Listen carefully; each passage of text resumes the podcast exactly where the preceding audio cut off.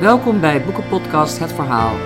Mijn naam is Monique Huiding en ik ga praten met Jan van Mersbergen over zijn inmiddels achtste roman, De Ruiter. Jan van Mersbergen schreef ook een novelle, een verboeking en een literaire thriller. Zijn werk is vertaald in negen landen en twee van zijn romans worden verfilmd. Ook is hij veelvuldig genomineerd voor literaire prijzen, won de BNG Nieuwe Literatuurprijs in 2011 en de F. Bordewijkprijs in 2014. Welkom Jan. Dankjewel. Je treedt ook vaak op, uh, zag ik. Ja. Zit er ook, is dat ook met muziek? Doe ik soms. Ja? Ik heb opgetreden met een band vroeger. Dan lees ik voor en dan zetten zij de muziek onder Ah, live. Twee jaar terug op Lowlands met Tim Knol en Jurre de Haan en Jan van Doorn. En we vormen een vriendengroepje. Ja, die jongens die kunnen wel spelen. En ik heb leuk. met een eh Venloze blaaskapel opgetreden op Lowlands. Ook weer vier jaar geleden inmiddels. Een Venloze blaaskapel. Een Joekskapel, carnavalsmuziek. En dan, eh, en dan lees ik een stukje uit mijn carnavalsroman. En dan knallen zij die Oh, wat goed. live die nummers erin. Ja, ja, ja. Oh, wat leuk man. Ja, een, een optreden is mooi als het, als het net iets meer brengt. En muziek is, is eh, de, de- de voorsprong van muziek is dat het direct aankomt, altijd. En voorlezen of iets vertellen is, is, eh, is op zich heel stroperig en ook heel lastig. Als je Ja. leest in een boek, dan, kun je, dan kan de lezer zelf het tempo bepalen. En als ik voorlees, ja, dan zitten die mensen aan mij vast qua Ja. stem. Is ook zo. Die vraagt een andere concentratie. Ja. En muziek is gewoon eh, knallen. In, dit, in deze roman, De Ruiter, dat is de titel, komt helemaal geen muziek voor. Nee, niks. Helemaal nul muziek. Wel geluid. Heel veel geluid. Geluiden. Ja. Ja. Ja. Is dat expres? Of doe je dat altijd? eh? Dat is altijd zo. Dat gebruik ik altijd, denk ik. Maar het gaat niet eh, heel bewust.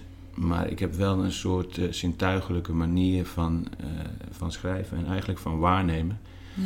Dus het, ik kijk altijd naar, eh, naar wat, het, nou ja, wat er te zien is, wat er te horen is. eh, of het waait, of het koud is. eh, en ook eh, ja, hoe, uiteindelijk hoe het voelt Ja. om ergens te zijn, om iets mee te maken, om ergens naartoe te gaan. ja. En dat, dat probeer ik in die beschrijvingen te, te vatten. Daar gaan we het zo nog uitgebreid over hebben. Maar je, ik, ik weet van sommige schrijvers die hebben altijd wel een soort van melodie in hun hoofd terwijl ze aan het werk zijn. Of die denken aan een bepaald muziekstuk. Of weet je wel, soms qua, zelfs qua opbouw van een hele roman. Heb jij dat dan ook helemaal niet? Nee, heb ik nooit. Nee, nee. Ik luister ook nooit muziek als ik, eh, als ik schrijf. Maar vroeger luisterde ik altijd naar Langs de Lijn, s'avonds om eh, tussen 10 en 11. Een sportprogramma. Sport. En mijn favoriete verslaggever was Andy Houtkamp. En die, die kon heel goed praten over eh, eh, voetbal of honkbal, maakt niet uit.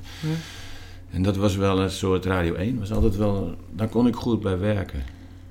Ja. Oh, wat grappig. Maar muziek Terwijl is, iemand is aan vaak, het praten is. Ja, gewoon aan het kletsen. En, en muziek is vaak heel... Ja, klassieke muziek is heel dominant. En je vindt zo'n pratend geluid niet dominant. Nee, veel minder. Dan kan ik best... eh, Kun je ook bijvoorbeeld in dan een... kan ik een- vijf minuten missen en dan luister ik, ben ik er opeens weer bij. Maar kun je dan ook bijvoorbeeld werken in een, in een kamer vol kinderen of, of getetter of Ja, familie? Dat heb ik. Ja, ja. Ik heb drie kinderen en, eh, en ik heb ook vaak wel eh, in een andere kamer de televisie aanstaan. Smiddags om drie uur wordt altijd Vlodder herhaald op RTL 7. En ja, ik hou echt van Vlodder. Oh, Van Johnny, Shaki en Kees. En dat staat dan in een andere kamer aan als een soort achtergrondgeluid. Ja, ja. En daar kun je je goed bij concentreren. Ja, dus. gaat heel goed. En ik heb een schoolplein achter mijn huis en er zijn, dat is een soort wekker. Op vaste tijden komen die peutertjes buiten spelen. En dat kan ik ook goed hebben. Oh, ja. En als mijn kinderen er zijn, ja, die willen natuurlijk ook eh, altijd een koekie en drinken. En, eh, Maar geen muziek. Nee, muziek is, is, is heel indringend en het is ook vrij dominant. Ja. Ze willen je toch iets vertellen en ik ga dan... Ik wil dan ook voelen, weten wat dat is, wat ze me willen vertellen. Het, het is niet als, als in een lift staan. En eh, ja, die, die muziek die ken ik eigenlijk niet. Ja. Bestaat misschien ook niet eens voor. Muzak. Ja, dat is een dat. aparte... Ja, wel dat nondescript, eh dat dingel, dat dingel, dat Ja, maar daar word, je, ding, daar word je helemaal nerveus van. Daar kun je helemaal niks meer doen. Ik vind het ook niet zo mooi. Nee, nee. Ehm, hoe kwam je op het idee voor deze? We gaan, ik ga eh, zo meteen voor de luisteraar vertellen, even een beetje kort schetsen waar het, eh, waar het boek over gaat. Maar hoe kwam je op het idee voor deze roman? Of hoe kwam het idee tot stand? Ik weet niet meer precies waar het begonnen is. Ik had een verhaal over een meisje eh, dat in een, eh, een soort loverboy-achtige affaire zit. ik had een, een, een karakter van haar opa op het platteland. En ik wilde heel graag schrijven over het pla- platteland. Wat ik, de polder die ik van bij mijn ouders ken. Hm. Die hebben een stuk land in de polder. En daar, Oh, ja. daar zijn ze eh, grotendeels... eh, Ben je daar zelf ook opgegroeid? ja, vanaf mijn zeven of achtste jaar. Tot? Nou, ja, tot ik er geen zin meer in had om mee te werken. Dus ik was een jaar of dertien. Hadden ze een boerderij ook? Nou, een soort boerderij, een soort hobby, hobby schuur. Maar, maar, ja, maar ze Ja. hebben kippen, schapen, een enorme moestuin, fruitbomen. Oh ja, ja altijd werk Het, was, te het, doen. het is een hectare grond en het is eh, een productiebos vroeger voor klompen. Een klompenhout is van populieren. Ja. Dus er staan eh, in, ja, in van die rijen staan daar hele dikke populierenbomen op. Ze zijn 30 meter hoog. Ja. En er gaan ieder jaar gaan er drie om of zo. Dus zo'n Dan boom omzagen, dat is wel leuk om te doen. Maar vervolgens die boom klein maken is, is wat minder leuk. In verschillende maten voor de verschillende klompen. Ja, maar nu gewoon voor brandhout, voor de Ja. kachel. Ja, ja, ja. Dus ja, ik, het, het is heel veel werk. Ja. Maar goed, is- je wilde die, die, die, die opa tot platteland van je ouders. Daar wilde je een opa situeren. Ja, ik wilde het ook van niet... dat meisje. Ja, ik wilde het ook niet over mezelf op die plek hebben. Dan zou het een soort... eh, ja, en ik wilde het ook niet over mijn ouders hebben of over mijn vader, hoe die daarin staat. Mhm. Eh, het enige wat ze daar niet eh, hebben is een paard. Oh, ja. Dus ik wist, als ik een, als ik een paardrol laat spelen, dan weet in ieder geval mijn vader en mijn moeder dat het fictie is. Deed je dat voor je ouders? Ja, het is toch wel heel bewust gedaan, denk ik. Ja. Want ik Ze me wel het boek af, gele- ja. ja, ze hebben het boek gelezen en ze vinden het heel mooi. Maar, en, maar ze, ze vragen zich niet bij iedere scène af hoe ze er zelf in zitten. Dat doen ouders toch. En Ja. dat, doen, dat doen kinderen ook. Ja, En dat het verhaal gaat, het is een fictief verhaal over een meisje en de grootvader en die, en die, en die affaire waar, waar zij in zit en waar ze aan moet ontsnappen. ja. En dat is veel meer een verhaal tussen de stad en het platteland. En dat wilde ik graag vertellen. ja. Omdat dat voor mij, ja, ik ben daar al heel lang weg en ik woon in Amsterdam. En dat heeft wel, ja, voor mij is dat, dat verschil altijd bijzonder. En ook dat het platteland nog steeds wel trekt, maar dat ik ook niet, niet echt terug wil. Eh, Nee. die, die verhouding is, is raar. Dus in de stad is het soms ook heel raar in Amsterdam. ja, Want ja. dan ben ik toch, ook na 27 jaar, ben ik nog altijd een soort boer als ik daar rondloop. Het is een Oh, andere manier van doen. En je had het net over muziek tijdens het schrijven. Ik heb wel altijd in mijn zinnen het ritme van de- hoe de mensen in mijn familie praten. Dat is heel erg het ritme wat ik heel mooi vind en wat ik, eh, ja, wat ik ook wil gebruiken. is dat dan het ritme van vroeger? Ja, van wat ik nog steeds ken. Als ik Ja. daar met vrienden spreek, die, die hebben datzelfde ritme en diezelfde manier van uitdrukken. En dat is... Nou, het is vrij kort. Waar, waar, Het is- nee, maar waar zit Oh, sorry. Waar, Eh, waar was dat ook alweer? Nou, net, het, het, het heet het land van Heus en Altena. En het, het is een soort niemandsgebied, een soort eilandje waar de Biesbos aan vast zit. Ah, Heel veel mensen kennen het van de Biesbos. Dat is, dat is de, de westkant. De oostkant is een soort polder. Hmm. Er zijn een paar dorpjes. Ja, er is daar verder eh, er is daar geen hotel of toerisme of een camping zelfs niet. En, Nee. eh, De A27 gaat daar doorheen. En laatst was die brug daar eh, dicht voor, voor Ja. groot voor vrachtverkeer, omdat er scheurtjes in Oh, zaten. daar is Dus. Opeens is Oh, die ja. brug weer in het nieuws. Ja, Nou, die brug ben ik zeven jaar lang overheen gefietst naar school. en die brug staat ook in dit boek, denk ik. Eh, ja, dat is dezelfde. Ja. Ja. Je wordt niet bij naam genoemd, Nee. want het, kan, het verhaal kan net zo goed eh, in Zutphen zijn, Ja. denk ik. Of in. Venlo, of waar dan ook. Een rivier en een brug en een polder. Het is een polder, Dat is heel Nederland. en een brug inderdaad. En in de verte ligt een stad. Ja. Maar je zegt, je, je gebruikt het ritme van je familie. Dus die mensen die uit die streek komen, die manier van praten. Je praat zelf, neem ik aan, ook zo. Ja, of heb je je met taal mijn- aangepast? In Nou, ik heb me heel erg in Gorkum al aangepast, omdat ze op de moest je in middelbare... Gorkum naar school. Ja, Ja. op de middelbare school. Ja, als je daar kwam uit een dorpje van de Brabantse kant van de rivier, dan moest je je meteen wel aanpassen. Want anders zeiden ze, nou, er zijn die achtelijke boeren weer Oh, van ja? de overkant. dus dan krijg je een soort verwrongen het dialect van mijn ouders. Dat spreek ik, sprak ik niet op de middelbare school. Oh nee. Maar toen ik in Amsterdam kwam, moest ik me toch wel weer aanpassen. Want dan, die staan nog veel verder af van welk mogelijk dialect ook. Ja. Dus heel veel mensen denken dat ik uit Groningen kom, of uit Friesland, of uit het noorden. Maar zoals je nu praat, dat heb je zelf samengesteld. Uit Dat diverse... denk ik, ja. Het is een theorie. Ja, ik was ooit eens op het... eh, toen ik net in Amsterdam woonde, was ik op het Waterloopplein. En toen moest ik een jas of zoiets hebben. En En die verkoper die zegt tegen die andere man, die zegt eh, tegen zijn collega van... eh, Help jij die Belg eventjes. Sta je daar als jongen uit, uit Brabant. En dat wil je natuurlijk niet. Ik wil ook in Amsterdam een beetje meedoen als Amsterdammer. Ja. Dat wil je dan toch. Een soort Ja. aansluiting zoeken. Logisch. Ja. Ehm, even, nog even een beetje vertellen over het boek, eh, waar het over gaat. Ehm, er, is, er is een situatie waarin een meisje, wat je net vertelt, dat meisje zit in een soort bende. Of die, heeft, die is verbonden met een bendelid of een bendeleider uit de stad. En dat gaat er hard aan toe. Dat zijn echt wel zware criminelen. En haar vader wil haar daar uithalen. En dat is inderdaad een soort loverboy, niet helemaal duidelijk vond ik. Maar ze heeft iets met die jongen.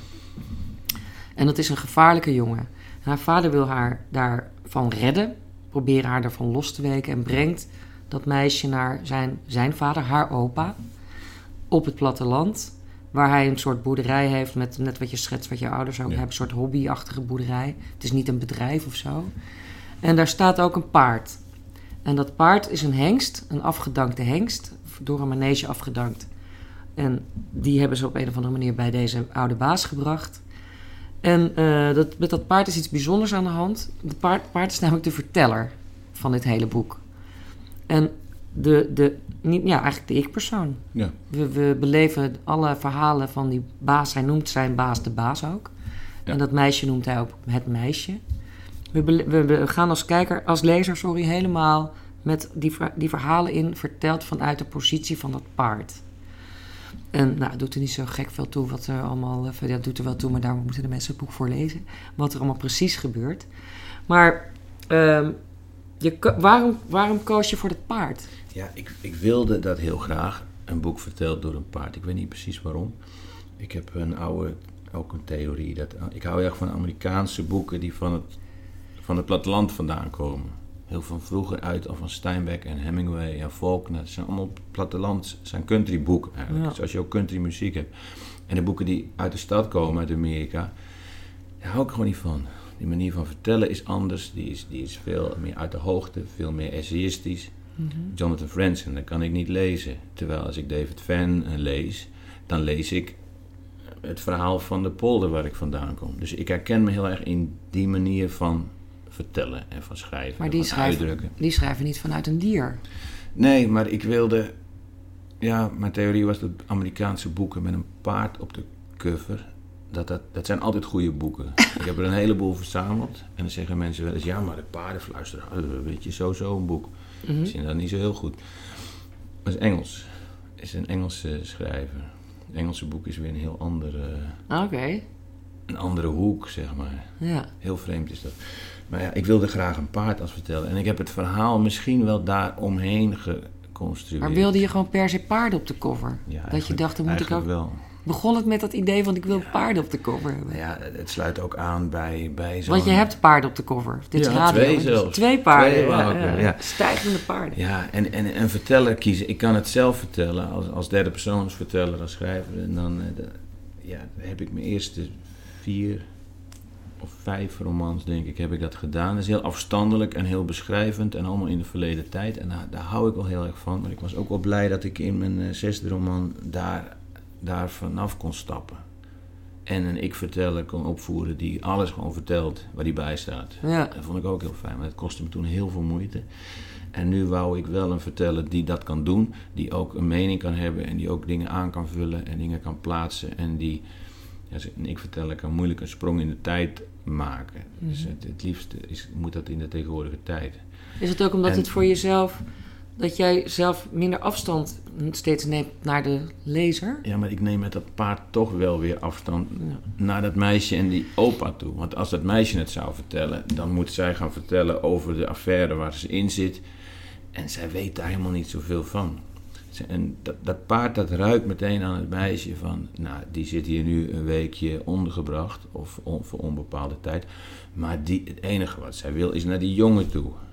Ja. En, en die grootvader die is zo'n beetje aan het einde van zijn leven. Die wilde misschien wel eh, ook wel graag een keer eh, dat, dat, het- dat zijn leven erop zit. En die kijkt naar dat meisje. En die, en die verhouding, daar heb, daar heb ik ook als schrijver afstand voor nodig om het te vertellen. Als die oude man het zou vertellen, dan wordt het een soort fotoboek, uh, proza. Ja. Van, ja, er zijn heel veel boeken, oude mensen die bijna op sterfbed terugkijken naar hun leven. En toen, en toen, en toen, aan de hand van plaatjes. En het wordt heel, vaak heel stroperig en heel vervelend en een eindeloze rits aan beelden. Terwijl op dat moment zelf er niet zoveel gebeurt. En ik wilde ook in het heden iets laten gebeuren. En het gebeurt in het boek ook wel, want die stad die komt natuurlijk op een gegeven moment naar het platteland toe. Ja. In de vorm van die jongens. Dus ja, ik, ik wist als ik het paard dit verhaal laat vertellen, dan kan hij alleen maar registreren wat er gebeurt. Dat was in de eerste versie. En in een tweede versie kwam er een soort gave bij dat hij ook kan voelen wat de mensen, Ja, als mensen hem aanraken, dat is heel belangrijk. ja, dan Aanraken. kan hij die beelden, dan weet hij waar ze mee bezig zijn. Hij zegt op, je laat hem op een gegeven moment zeggen, het paard. Raak me aan en ik Ja. weet alles van je. Ja, dat weet hij. Ja. hij. Hij weet precies wat er op dat moment bij iemand speelt. Ja, En dat, dat kwam ik na een eerste versie. Er stond het hele verhaal er wel, en scènes gemaakt. Maar er miste nog iets aan. Want ik had eigenlijk een verhaal verteld vanuit een paard, maar dat was meer een paard met een camera op zijn rug. Dus die keek naar alles. En die deed niet mee? Hij deed nog niet echt mee. Ah. En er moest nog iets bij. En, en, en daar is die. Ja, het is een soort truc natuurlijk. Als je Ja. paarden ergens eh, ziet staan in zo'n weilandje en je loopt daar langs, ergens wandelen in eh, weet ik het waar, mhm. dan, dan ga je dat. Ik ga daar altijd naartoe en steek mijn hand uit. En dat zie ik Ja. heel veel andere mensen ook doen. even de neus Het is een soort, ja, laten ruiken of even voelen of even aanraken. Het is ook een heel tactiel dier, hè? Ja. Je kunt ze ook heel makkelijk En aanraken. er zijn allerlei eh, theorieën over. En dan- ja, er zijn ook nu cursussen met varkens eh, knuffelen. Daar kun je van Ja. alles uithalen. Ik ben niet zo eh, yoga ingesteld. Maar ik snap wel het idee dat, dat, dat daar iets met je gebeurt. Dat, Ja. dat er, er zijn twee levende wezens die contact hebben. Er moet iets gebeuren. Nou, en mijn theorie is, die waarschijnlijk ook wel klopt, dat het paard dat dan inderdaad allemaal van je weet. Ja, Het is heel moeilijk eh, te bewijzen. en, en wat hij dan weet, moet ik even specificeren, dat, is meteen, dat zijn meteen verhalen, geschiedenissen, anekdotes. Dat zijn beelden eigenlijk. Het zijn bijna allemaal beelden. Ja, het zijn, maar ik bedoel, het zijn geen, niet echt gevoelens.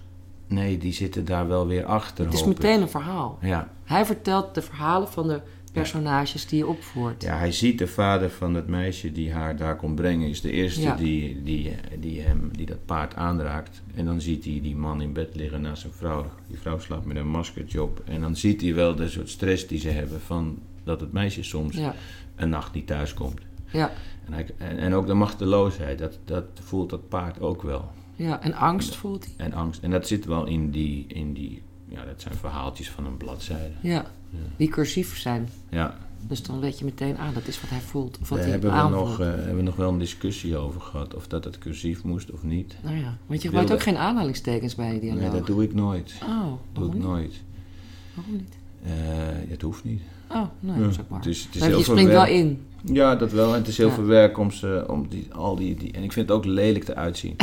In Amerikaanse boeken wordt het heel vaak niet gebruikt. Oh, dat weet ik helemaal En niet. heel vaak staat er een streepje voor. Ja, streepje, ja. Ja. Ik, vind, ik vind die tekentjes lelijk. Het is heel priegelig. Ah. Het is ook heel veel werk om ze allemaal netjes erin te zetten. Ja, dat is waar. En het moet dan na een komma. Of en tevoren, na of een de punt.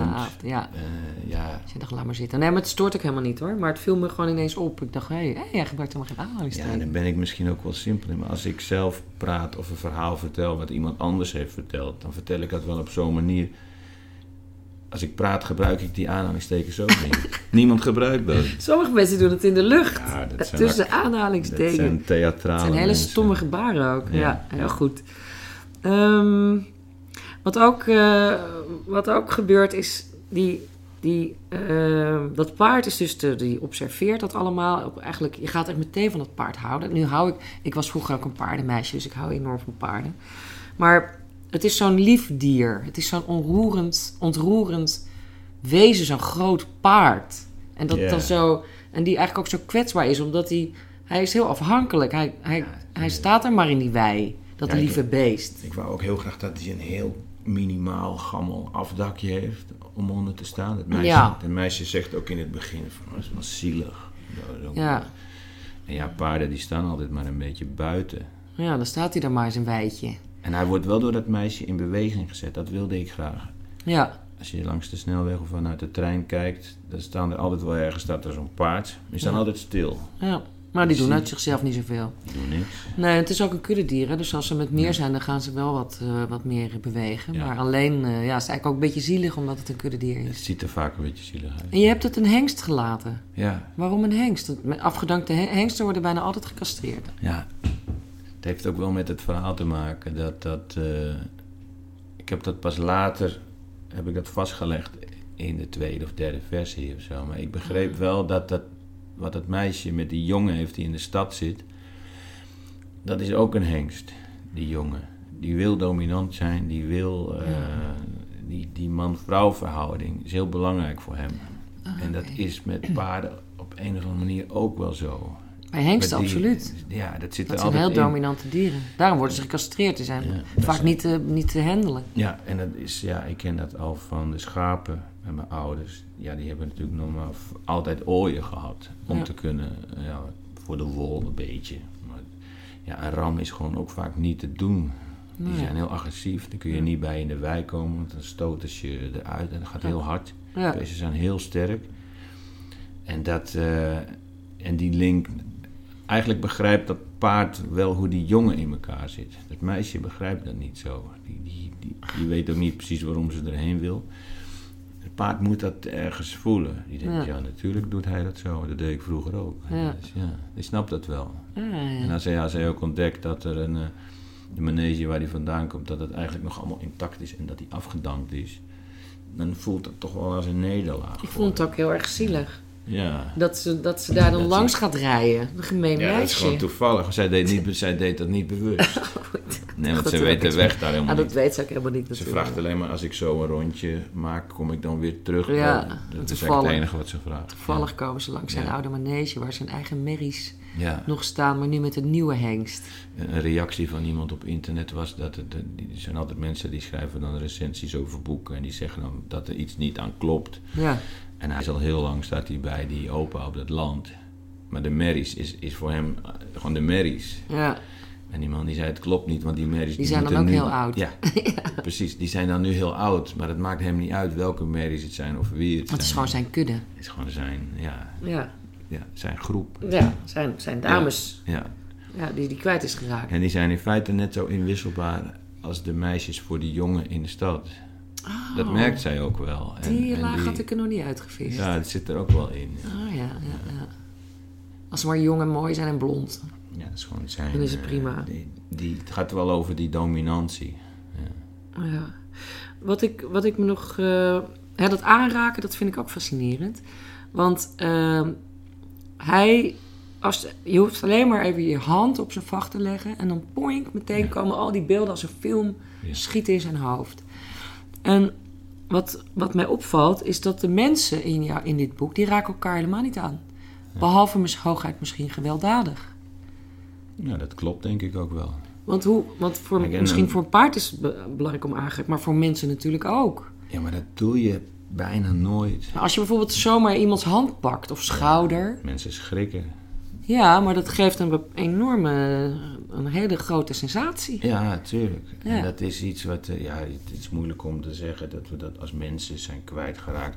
Dat is er nooit geweest, denk ik. Of dat, ik denk niet dat dat veel verandert in de loop der jaren. Nou, er zijn mensen die het als een truc gebruiken. Ja, ja, er zijn Die mensen die om ook... je, om je die weet je, ook, maar eh, aanraken de hele tijd. Ja, op een gegeven moment zeg je er het iets van. ontregelt je dan heel erg. Weet je, je get? Het kan heel vervelend zijn. Ja. En eh, ja, ik had het net over, over als het over carnaval gaat, dan heb ik een vriendengroep, jongens, we kennen elkaar al heel lang en we gaan ieder Je jaar houdt van carnaval. Ja, zeker. Ik ben carnavalsvierder in, in Venlo en dan ga ik met de jongens naartoe.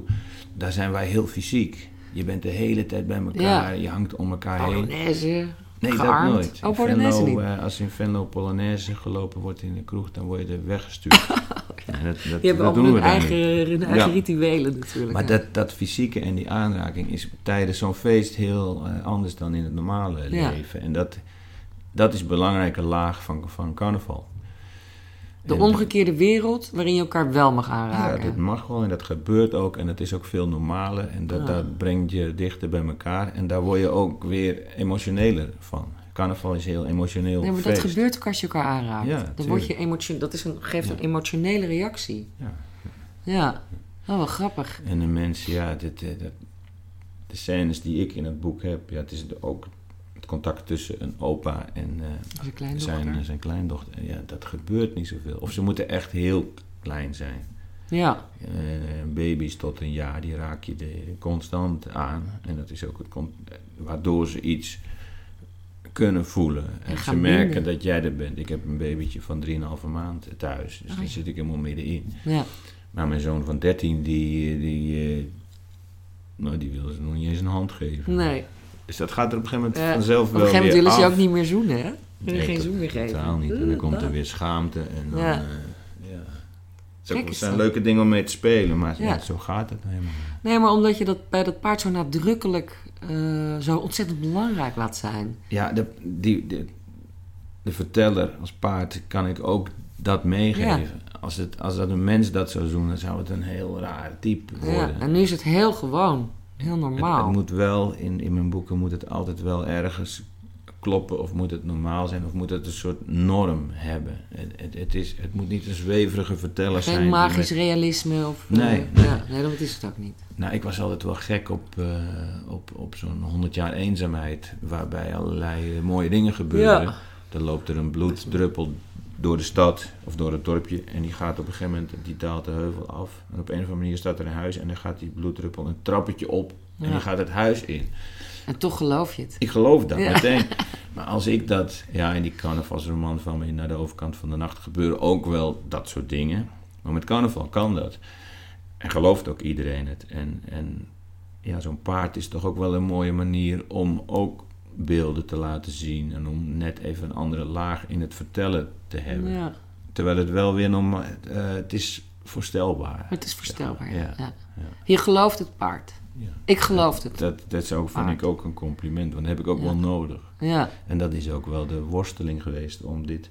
Je kunt het ook heel raar vinden. Ja, dat moet heel gedoseerd over die bladzijden heen eh, verspreid worden. Als het iedere bladzijde terugkomt. Ja, Dan, ja, soms dan zeg ik wel dat het meisje opduikt in zijn linkeroog. ja want het ogen van een paard zit aan de zijkant. zit helemaal aan Net de als bij vogels eigenlijk. Hè? Dus die Ja. hebben een soort van 100, 100, 360 graden Bijna beeld. alles ja. kunnen ze rondom zien. Ja. Ik weet niet hoe dat voelt. Ik kan het hem wel laten vertellen. Ja, Stuk voor de neus kunnen ze niks zien en op de achterhoofd. ze hebben een soort blinde vlek Ja. gedeeltelijk. Maar als het meisje... eh, Dode hoek heet dat volgens Dode mij. hoek, Dode ja. hoek, Als het meisje met hem gaat rijden en die zit op zijn rug, dan kan die haar steeds ziet zien. haar gewoon, ja. Dat is op een tandem met fietsen met mensen is dat niet zo. Nee. Dan moet je steeds achterom kijken. Wij hebben de ogen recht van voren. Ja. Ja, precies. Kun je een stukje voorlezen? Dan, dat Ja, illustreert mooi. Want dit stukje wat je gaat voorlezen, dat eh, is uiteraard... Op de, hier is het paard aan het woord. En eh, opa en de kleindochter die zitten buiten. Ze zijn nog niet zo super lang bij elkaar. Ze hebben het ook niet heel erg... Tot nu toe nog niet heel erg gezellig met elkaar. En er is ook sprake van een oma die is overleden. En eh, nou ja, als je dat stukje wil voorlezen... Dan, Ja, eh, dat was eh, de, zijn vrouw natuurlijk, de vrouw van de... ja, haar oma. Ja, ja, ja. Het meisje zit voor me, haar benen strak op de zitting van de andere stoel, het bord op haar benen, haar knieën steken licht en bijna puntig omhoog, korte sokjes, steeds die korte sokjes. Ik ruik haar en ik ruik het eten, zoet vermengd met warm. Ze eet langzaam, haar kaken bewegen amper, alleen haar borst gaat traag op en neer. Ze zegt: Oma vertelde verhalen. Dat weet je nog, zegt de baas. Hij vroeg het niet, maar toch was het een vraag. Over Indië, zegt het meisje. De baas prikt een aardappel aan zijn vork, maar hij stopt hem niet in zijn mond. Ik vang de warme geur van de aardappel op en ook ruik ik boontjes nu. En ik hoor de verhalen die de baas mij lang geleden al vertelde. Nu in bedachtzame, trage zinnen. Die eerst van haar waren, alsof hij haar verhalen opnieuw wilde horen. En alsof dat alleen maar kon door ze mij te vertellen. Het meisje zegt over hoe koud het hier was. De baas zegt niks. Een hardnekkige vlieg kleeft aan een uitloper van het zand in mijn ogen. En over sneeuw, over ijs. Geen reactie. En hoe, ze dan op, en hoe ze dan de straat opging, zegt het meisje aarzelend en ze wacht tot de baas haar zinnen aanvult. Maar dat doet hij niet. De baas kijkt naar mij en zegt: Weet je, ik heb hem alles verteld toen ik hier kwam. Tot ik er vanaf was. tot ik er bijna van af was, want helemaal kom ik nooit van die verhalen af. Maar nu zijn het in ieder geval gewoon verhalen. Als ik ze jou nu vertel, dan moet ik helemaal opnieuw beginnen, snap je? Ik heb geen zin dat nog een keer te moeten doormaken. Nu de baas die woorden zo tussen ons in het gras legt, is het duidelijk en ook steekt er iets in mijn borstkast, alsof ik tegen een afgepunte heiningpaal leun. Het prikt als ik me beweeg. Je hebt hem alles verteld, zegt het meisje. En de baas zegt: Ik denk dat jij hem. Ik, ik denk dat jij hem ook eerder vertelt wat er met je is, dat denk ik. Ze eet niet meer. Heb ik gelijk of niet, zegt de baas. Dat weet ik niet, zegt ze. Maar ze weet het wel. En hij weet het ook. En ik ook. Ze vertrouwen dat paard, terwijl ze elkaar niet vertrouwen. Ja, het gaat om vertrouwen. Ja. ja. ja. Want zij gaat inderdaad uh, opa, dus de baas, de baas van het paard, die tevens de opa is, die heeft zijn hele verhaal verteld over uh, de dood van zijn vrouw. En die heeft in feite zijn rouw met dat paard als een soort therapeut gedeeld. En dat meisje gaat het op de een of andere manier anders, op een andere manier, eigenlijk ook doen. Ja, ja. Ja, het is veel makkelijker om met een dier te praten dan met eh, andere mensen. Ja.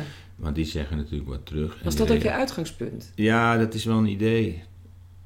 Ik ken wel wat mensen die heel graag met een hond praten. en die dan altijd zeggen, ja, maar dat zijn veel betere luisteraars. Ja, ze zeggen, zeggen niks terug natuurlijk. Ja. Ze zeggen niks terug. Dieren zijn altijd, eh, ja, vooral honden zijn heel eenvoudig. Die zijn heel blij als je thuis komt. Ze te kwispelen en die springen. Ja. En die willen naar buiten. Dat is allemaal een soort basisdingen. Maar wil je, het is ook een, het is ook, de liefde van mensen voor dieren is ook een, eigenlijk misschien wel een heel zuivere liefde. Ja, het is heel... Pure, mooie liefde. Ja, ik weet niet echt of het liefde is. Het is een soort geborgenheid. Ja, ik heb zelf... Ik heb niet, geen huisdieren gehad in Amsterdam ook niet. Maar wel, ik heb wel kippen gehouden in Amsterdam midden in de stad. In Amsterdam? Drie, drie, eh, drie uh, krielkipjes. Oh, dat kan wel in een hokje natuurlijk. Ja, gewoon in, buiten in een rennetje op, op, een binnenplaats. En ik had wel leuk contact met die, met die, met die kippen. Dus ik, ik, ik, ik had daar eitjes van. Oh, maar ik was niet, het was geen liefde nee, maar kip is een heel eenvoudig dier.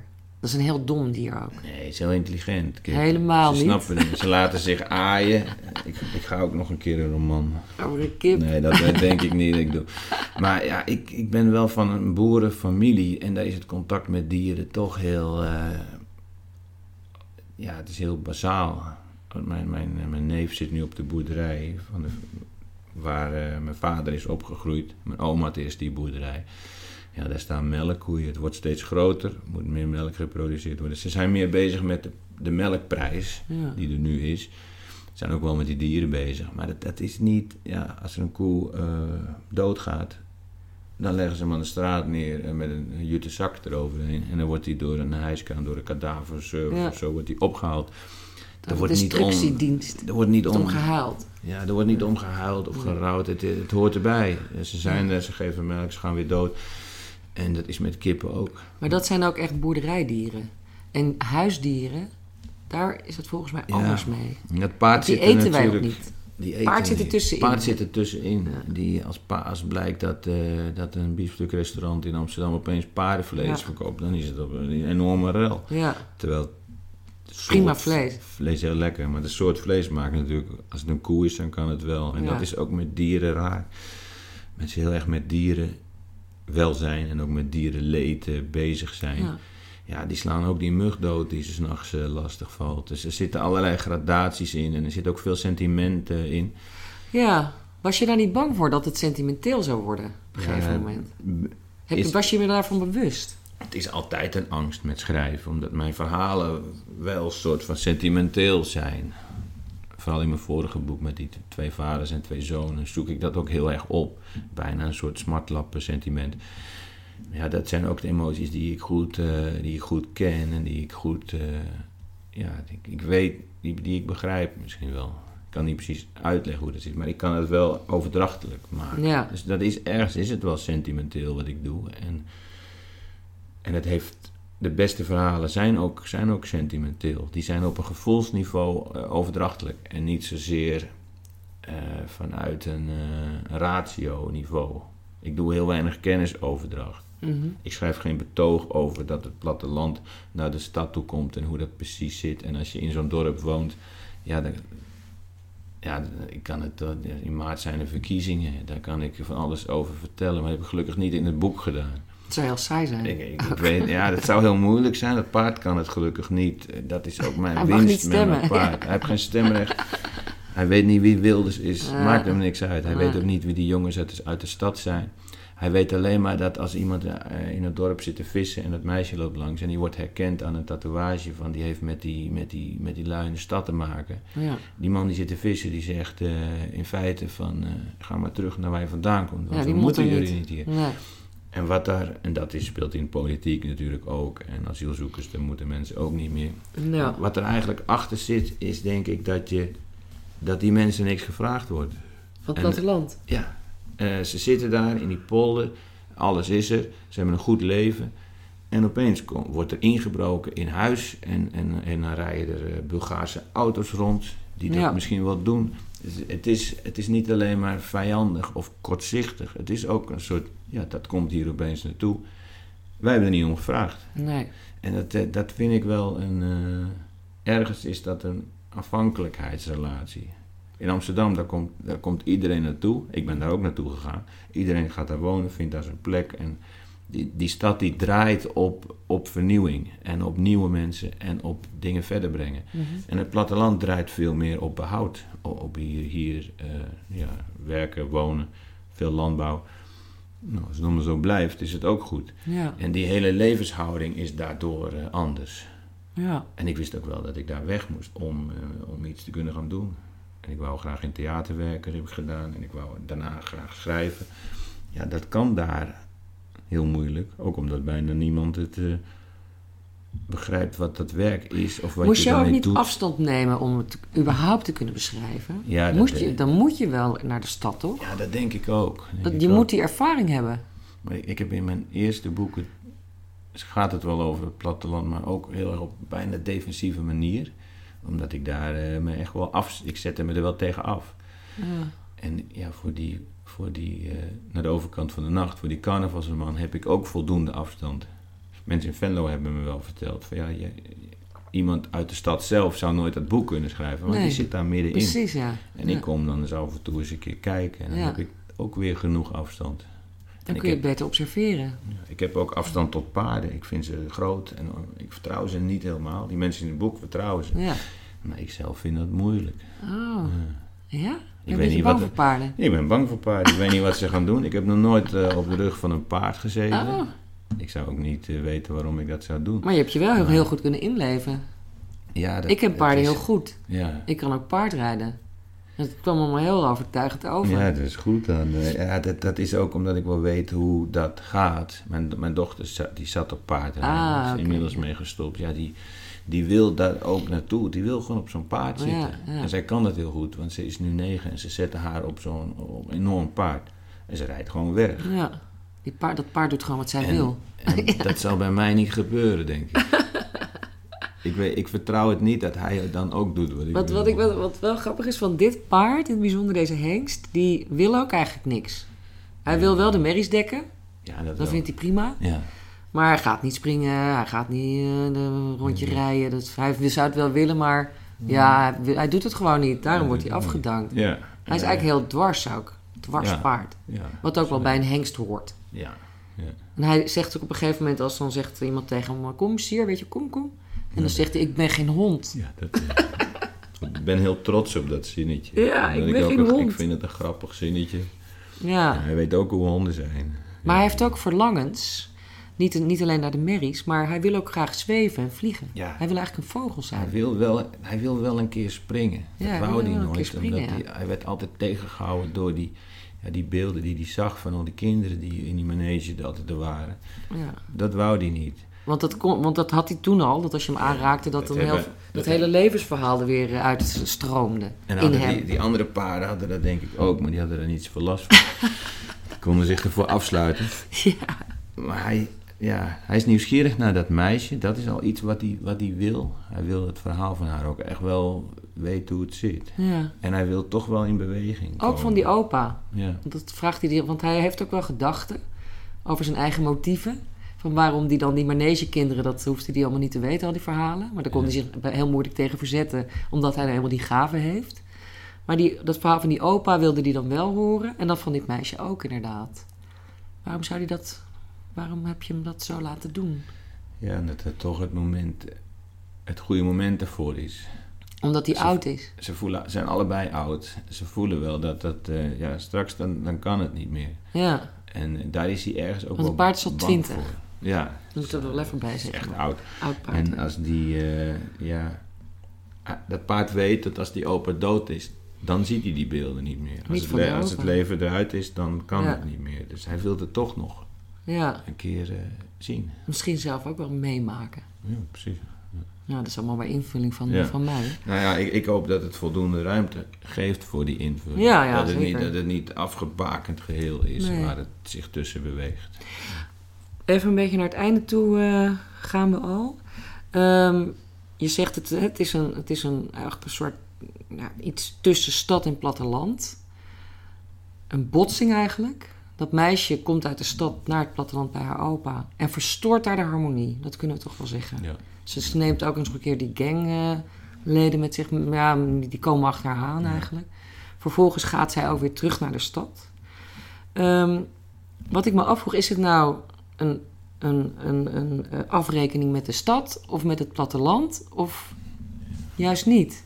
Ja, of is het een ode? Allebei een beetje. Het Dat is gaat- wel in balans op de een of andere manier. Ja, dat moet denk ik. Dat heb ik zelf wel, dat het soort van in balans is. Dus dat, dan, dan klopt het. Het is niet echt een afrekening. Eh, Er zitten ook aan allebei eh, zitten voordelen. En eh, het loopt wel slecht af, ja, dacht ik. Ja, ja, valt mee. oké. Zij komt er nog wel. Wat zij wil doen in de stad, dat, dat gebeurt wel. Ja, Het is een soort van. Ja, toch. maar echt toch- leuk is het ook weer niet. Ja, dat is met einde met een boek op. Het is eh, vrij, het is niet zozeer een open einde, maar eh, Nee, het is niet heel duidelijk. nee, dat niet. Het is dat wel het is een beetje half open. Ja. Weet je. Je, kunt, je kunt zelf eigenlijk helemaal bedenken van... Ja, hetgene waar het meisje van af wilde, dat, dat lukt haar wel Ja. in ieder geval. Ja. En dat is, eh, ik- einde moet altijd een soort van hoopvol zijn. Ja, En als dat dan ook nog weer een keer verkeerd zou gaan. Er zijn boeken, daar weet je vanaf het begin, dat gaat alleen maar bergafwaarts Ja. en het komt niet meer goed. ja. En dat moet ergens toch een opleving in zitten. oké. Ja. Het is, dit is niet een afrekening met het platteland of de stad. Het is meer die, die, die spanning. Heel, het, het contrast tussen dat leven op het platteland en het leven in die stad... heb je heel scherp duidelijk gemaakt in dit boek, vind ik. Ja, dank je. Dat wordt af en toe Ja. ook wel uitvergroot of iets. eh, Ja, Daar heb tuurlijk. ik uiterste voor nodig. Maar dan helemaal vanuit dat beeld van het neutraal eigenlijk... neutrale, lieve, goede gepaard. Ja. En het belangrijk is dat het paard daar weinig oordeel over Ja, die heeft. oordeelt niet zo heel erg. Hij ziet wel in die stad erg veel eh, auto's. Natuurlijk hebben heel veel Hij gedoe, schrikt ook, dat vind ik ook zo ontroerend. Dat hij steeds dan zo, een beetje zo schrikt, want het paard is ook een vluchtdier. Een schrikdier is. Als je, eh, ja, als je hard toetert, dan schrikt hij. Dan, gaat hij, Dan moet hij hij, eventjes even wegspringen. Ja, Ja, en dan zo'n groot paard, zo'n hengst. het, schijn, het, het zijn schrikdieren en ze staan, ze staan te slapen omdat ze dan niet, als Kunnen er ze iets is, dan weg. kunnen ze meteen Ja. rennen. Dat ze overeind zijn. Dat Zo. maakt hem ook zo kwetsbaar. Ja, En dat is juist inderdaad heel mooi, omdat het ook dat harde van die, van, van die stad en dan dat zachte van het platteland, wat, waar ook wel een vorm van hardheid in zit. Maar ondertussen is hij wel weer zo groot dat als hij daar in die stad is, dan kijken mensen toch. Ja, ze kijken wel eh, tegenop. Wel een En, groot paard. eh, ja, Ja. ja. Ja. Eh, Oké, de laatste vraag. Ehm, je bent vast alweer met een volgend boek bezig. Ik heb een plan voor een nieuwe roman. Dat ook. Ja? En ik heb een, ja, die thriller die ik eh, geschreven heb, die komt volgende maand. Die komt in februari. Ah, Oké, wat is de En titel? dat is, de titel is, het verschijnt onder pseudoniem Oh, bij Ambo. oké. En de titel is Dagboek uit de rivier. Waarom onder pseudoniem? Nou, omdat ik romanschrijver ben en ik, eh, en ik wilde het eigenlijk een soort heldere verdeling hebben. Ah, ja. Dat, eh, een thriller is iets heel anders. Dus het gaat meer om spanning en om een soort informatie Ja, achterhouden en soms wel vermelden. En karakters zijn ook bezig met wat is er aan de hand en wat weet ik wel en wat weet ik niet. Een roman eh, gaat meer om, eh, is meer, is meer psychologie. In een roman kun je meteen zeggen hoe het zit. Ja. En dan ga je zoeken naar wat genre. erachter zit. Ja. En voor mij is dat gevoel. En dat zit in die thriller ook wel. Omdat ik de beste thrillers die zoeken ook die gevoelslagen op. tuurlijk. Maar de manier van vertellen is wel een soort omgekeerde weg. Ja. En de karakters worden gedreven door een soort speurtocht. En wat is het pseudoniem of mag je dat niet zeggen? Ja, dat is Frederik Baas. Oké. En ik heb nu acht romans. En de voornamen van al die hoofdpersonen, die vormen de naam. De eerste letters van die voornamen vormen, vormen de naam Frederik. Oh. Ik ben daar al heel lang mee bezig om een keer naar zoiets toe te werken. Oh, wat leuk. Waarom, Frederik? Ja, omdat een goede vriend van me zo heet. En die kwam ik laatst tegen bij een, eh, bij een concert. En toen zei hij, eh, kom, eh, ik zei, ik heb een thriller geschreven. Hij zegt, komt die onder, onder je eigen naam? Ja. Ik zeg, nee, komt onder jouw naam. hij, hij, het is niet zijn achternaam hoor, die heb ik erbij verzonnen. Maar ik, ik wil wel graag een Wat leuk. apart... Beetje zo'n easter egg-achtige, van die dingetjes, eh, kleine geheimpjes. Ja, eh, ja, die zitten heel veel in mijn boeken. In, in mijn eerste roman wordt er een hond doodgereden door een, eh, een rode auto. De tweede roman gaat over jongens die in auto's rijden. En die hoofdpersoon heeft natuurlijk een rode auto. En dat heeft nog nooit iemand eh, ontdekt. Ah, nee, maar dan moet je dus zelf. ook echt heel precies je hele oeuvre lezen. Dat doet dus eigenlijk niemand. dat is wel hartstikke leuk. Ja, dat vind nou, ik. dus- leuk, ja. Dat Ja. is zelf leuk om, Ik mee ben te, er dol op. om mee te spelen. Ja, precies. Nou, hartelijk dank voor dit gesprek. Graag gedaan. Ik sprak met eh, Jan van Mersbergen over zijn roman De Ruiter.